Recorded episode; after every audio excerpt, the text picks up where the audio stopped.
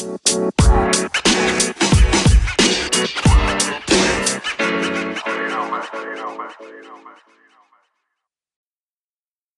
och välkomna!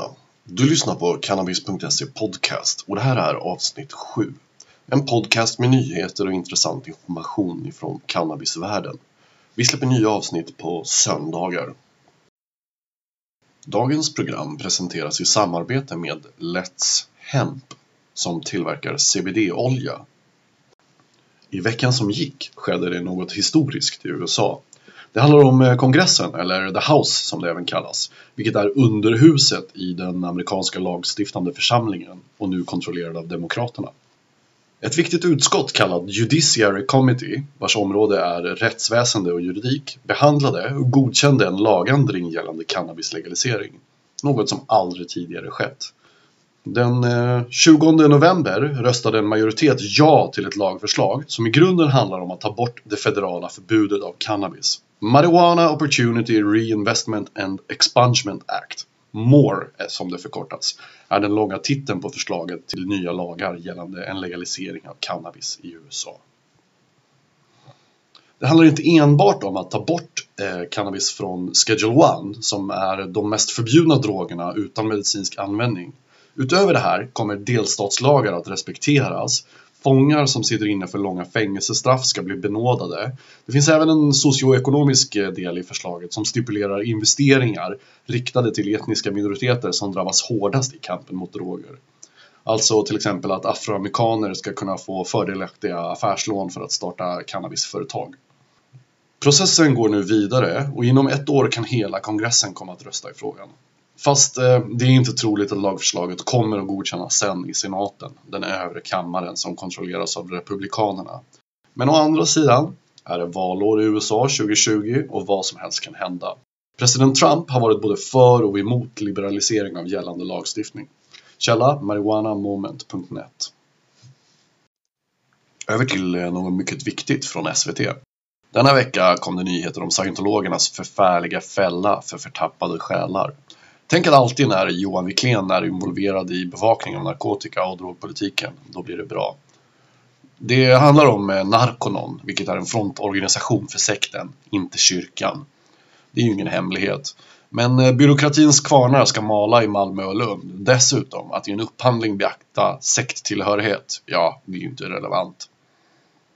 För det första, någon som mest verkar röka weed ska ju inte skickas på behandlingshem. Jag menar en vuxen människa som inte har andra problem har inget där att göra, är det inte så? Bastubad och Pavlovsk KBT, eller människovidrigt hunsande, är behandlingen. Och det underkänns av en överläkare.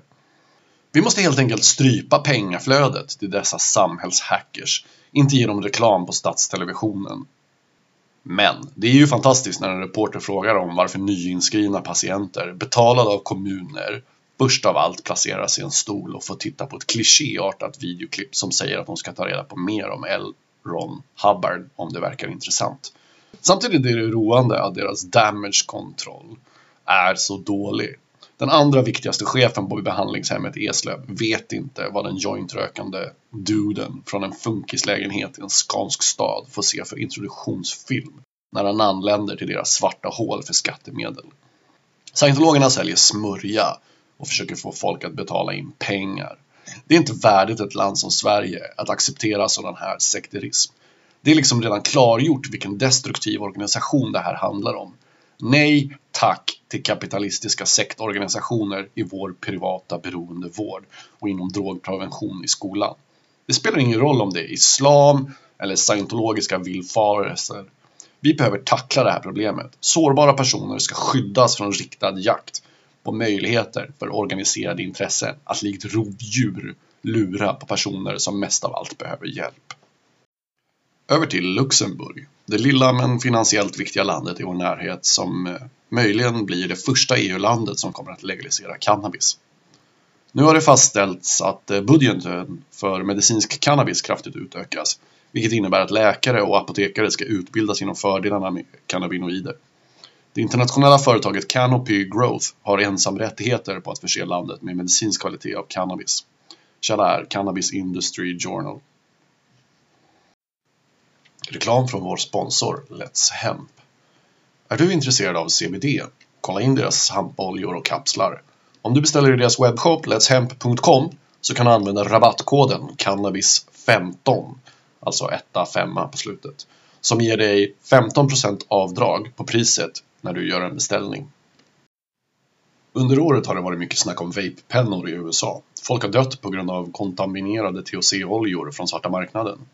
Man har eh, blandat i E-acetat, det vill säga vitamin E i oljeform, som eh, estetiskt sett är bra för att mixa vax eller chatterkoncentrat med. Det blandas bra helt enkelt. Problemet är bara när du mister andningsfunktionen på grund av lipoid lunginflammation. På grund av kemikalier som hämmar andningsapparaten. Och sen dör du. Ja, visst, det är worst case, men till dags dato har några hundratals i USA dött. Det är ironiskt, många som dog tänkte nog att det här var ett säkrare alternativ. Vilket det nog är rent principiellt, men inte just i dessa fall. Nu verkar det även dyka upp liknande fall i Europa, bland annat Belgien och England. Faktum är ju att en legaliserad och reglerad försäljning med största säkerhet skulle förhindra dessa problematiska konsekvenser. Källa är The Telegraph. Veckans utnämning. Den tillfaller Wally Johnson som just nu behöver din hjälp. Hans hund håller på att utveckla blindhet och vi kan stoppa det här med en operation. Han söker nu jobb och bistånd med detta för att kunna hjälpa sin Doggo med det här problemet. Wally är en riktig räv inom svensk cannabisaktivism. Han har gjort mycket, filmat viktiga händelser som till exempel events på Almedalen samt arrangerat viktiga möten som Nordic Cannabis Conference. Vi som kämpar för förändring måste hålla ihop och han eh, är en del av det här. Tack för att du lyssnade på veckans avsnitt av Cannabis.se Podcast. Länkarna till källorna hittar du genom att surfa till cannabis.se, välja podcast i menyn och gå till avsnitt 7. Om du gillar att lyssna på det här får du gärna hjälpa oss genom att klicka stödcannabis.se på vår hemsida.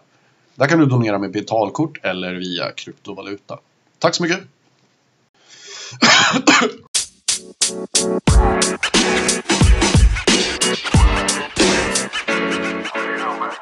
just so you know, man.